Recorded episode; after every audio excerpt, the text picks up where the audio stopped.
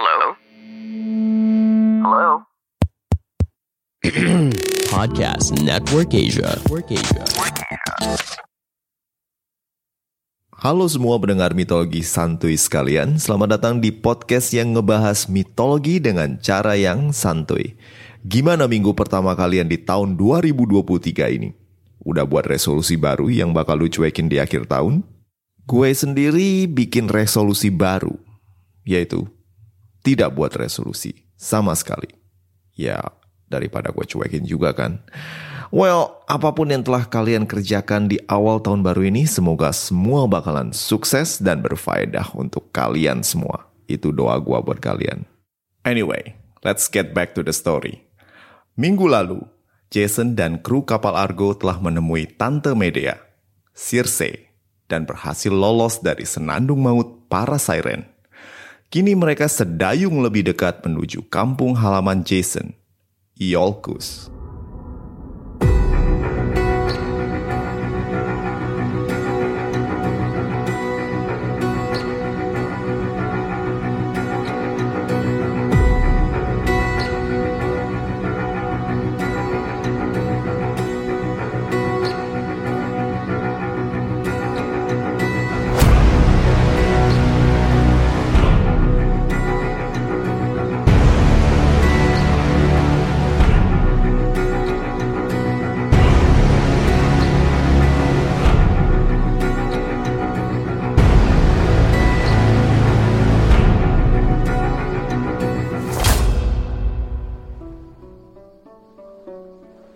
Para kru Argo berteriak memanggil Butes yang terus berenang ke arah para siren.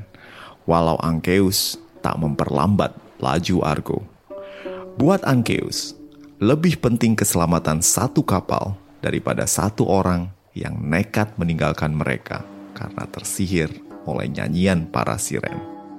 Tak lama kemudian, Butes pun tak lagi terlihat oleh para kru Argo yang dengan sumpah serapah mengutuk Ankeus yang dianggapnya tak punya hati.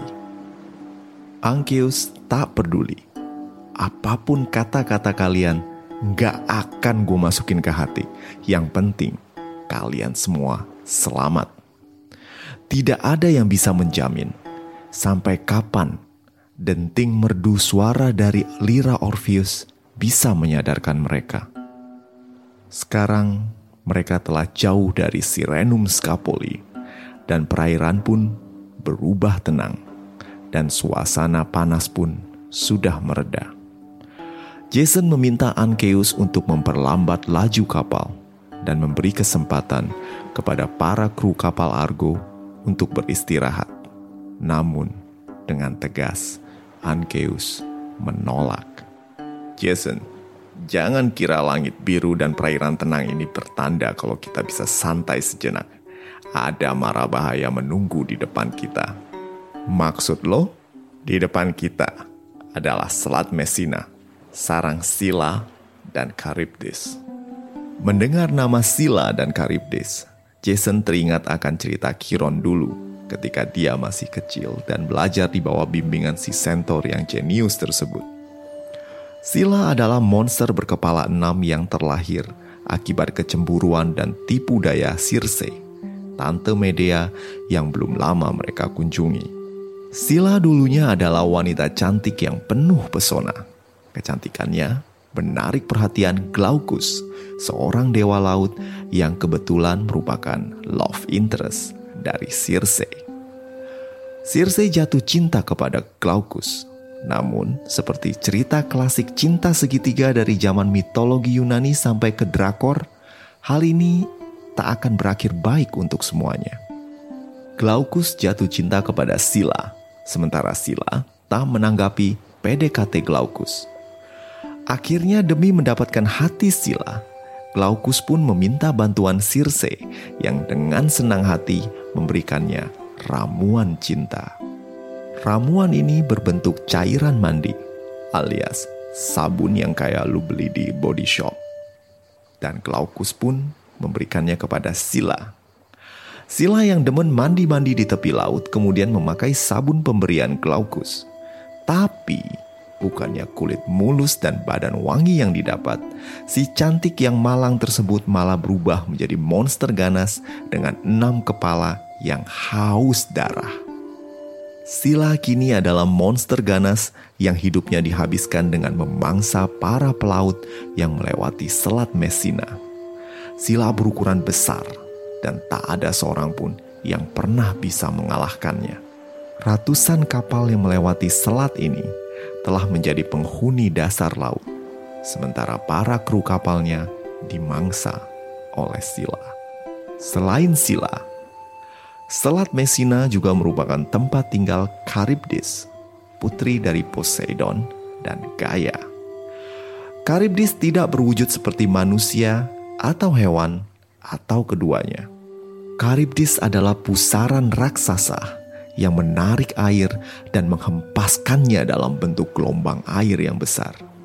Kapal apa pun yang terjebak dalam pusaran Karibdis pasti hancur dan menjadi penghuni dasar lautan.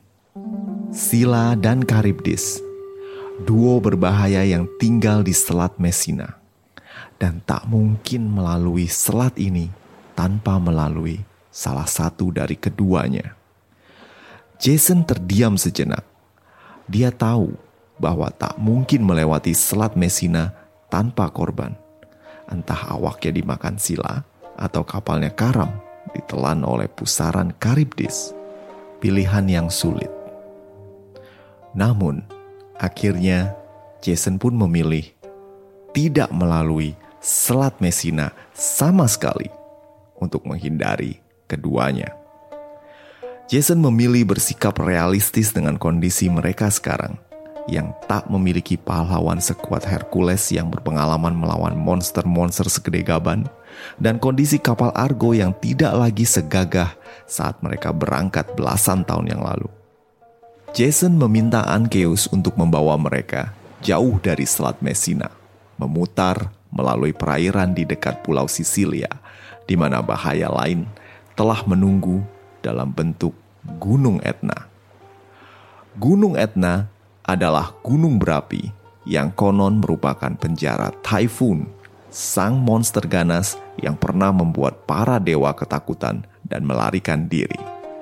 Setelah dikalahkan oleh Zeus, Typhoon dikurung di bawah Gunung Etna yang tak henti-hentinya menimbulkan gempa bumi, letusan-letusan berapi, dan juga arus ganas di perairan sekitarnya yang mendidih dengan api dan asap.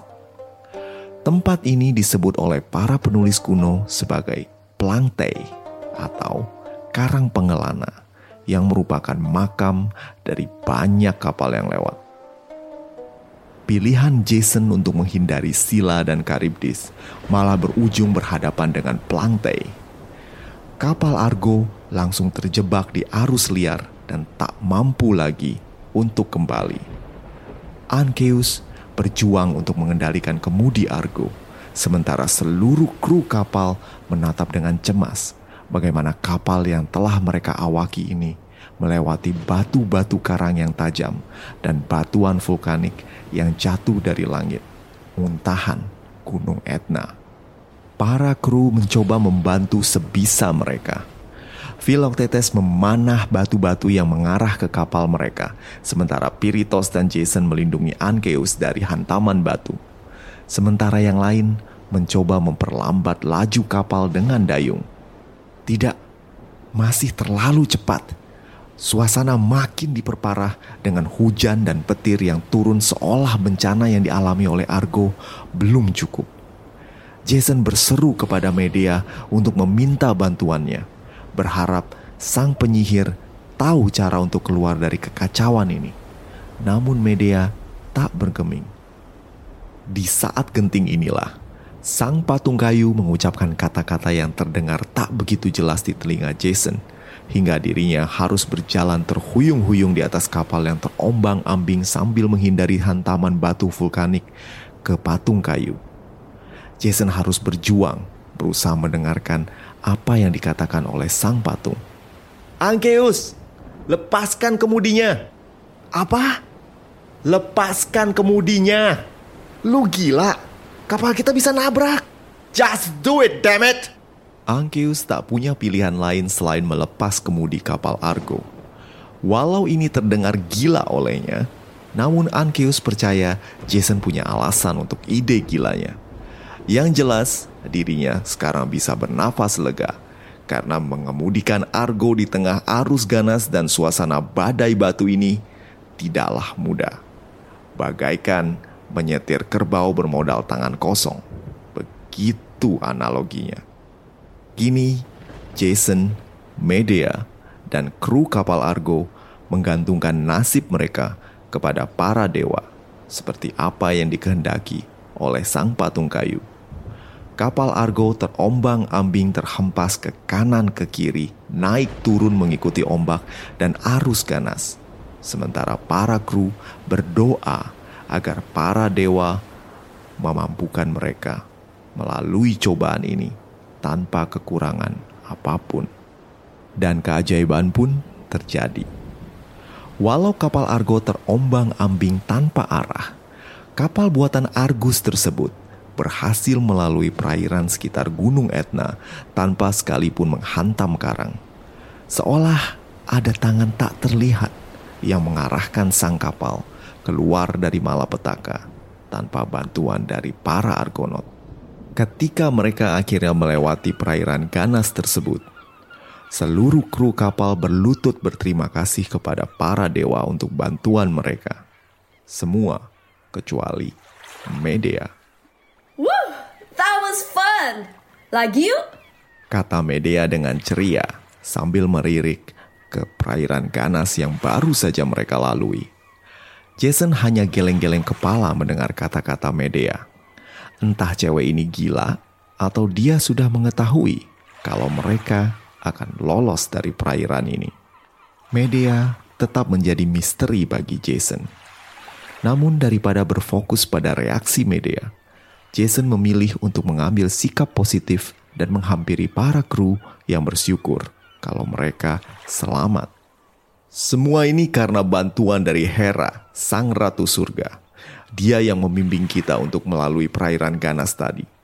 Nanti, ketika mendarat, kita harus mempersembahkan sapi putih untuknya. Kata-kata Jason disambut dengan sorak gembita dari para kru Argo. Jason sendiri menghembuskan nafas lega karena berhasil melalui ancaman yang nyaris mengambil seluruh nyawa kru kapal Argo. Beberapa hari kemudian, mereka pun sampai di Pulau Sheria yang kini dikenal dengan nama Korfu. Pulau ini terletak di Laut Ionia, di antara Italia dan Yunani. Pulau ini terkenal hijau dan subur, kaya dengan hasil bumi. Dan pada saat kru kapal Argo mendarat di pelabuhan Sheria, mereka disambut oleh raja dan ratu mereka, Alcinous dan Arete. Keduanya menyambut Jason dan kru kapal Argo dengan ramah dan memberikan mereka ternak yang kemudian mereka pakai untuk persembahan kepada Hera yang telah menyelamatkan mereka dari semua mara bahaya di Plangtai. Alcinous dan Arete adalah raja dan ratu orang-orang fashion yang terkenal mahir berlayar dan segala hal yang berhubungan dengan laut. Orang-orang fashion sangat disayangi oleh Poseidon hingga ke mana pun mereka berlayar, kapal mereka tidak akan karam. Inilah mengapa kerajaan fashion, makmur, dan tak keberatan menjadi tuan rumah untuk Jason dan kru kapalnya yang terkenal. Kisah Jason dan keberhasilannya mengambil kulit domba emas telah tersebar ke seantero peradaban Yunani. Alcinous dan Arete menaruh simpati pada pelayaran mereka yang panjang.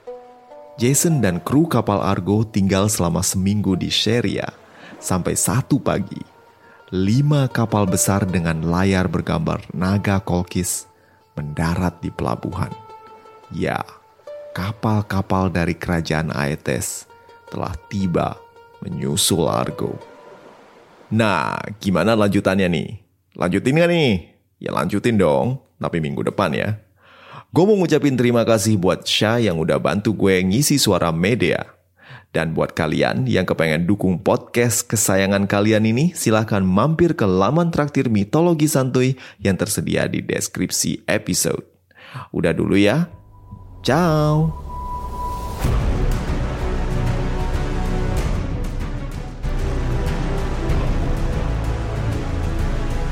Pandangan dan opini yang disampaikan oleh kreator podcast, host, dan tamu tidak mencerminkan kebijakan resmi dan bagian dari podcast Network Asia. Setiap konten yang disampaikan mereka di dalam podcast adalah opini mereka sendiri dan tidak bermaksud untuk merugikan agama, grup etnik, perkumpulan, organisasi, perusahaan, perorangan, atau siapa pun dan apa pun.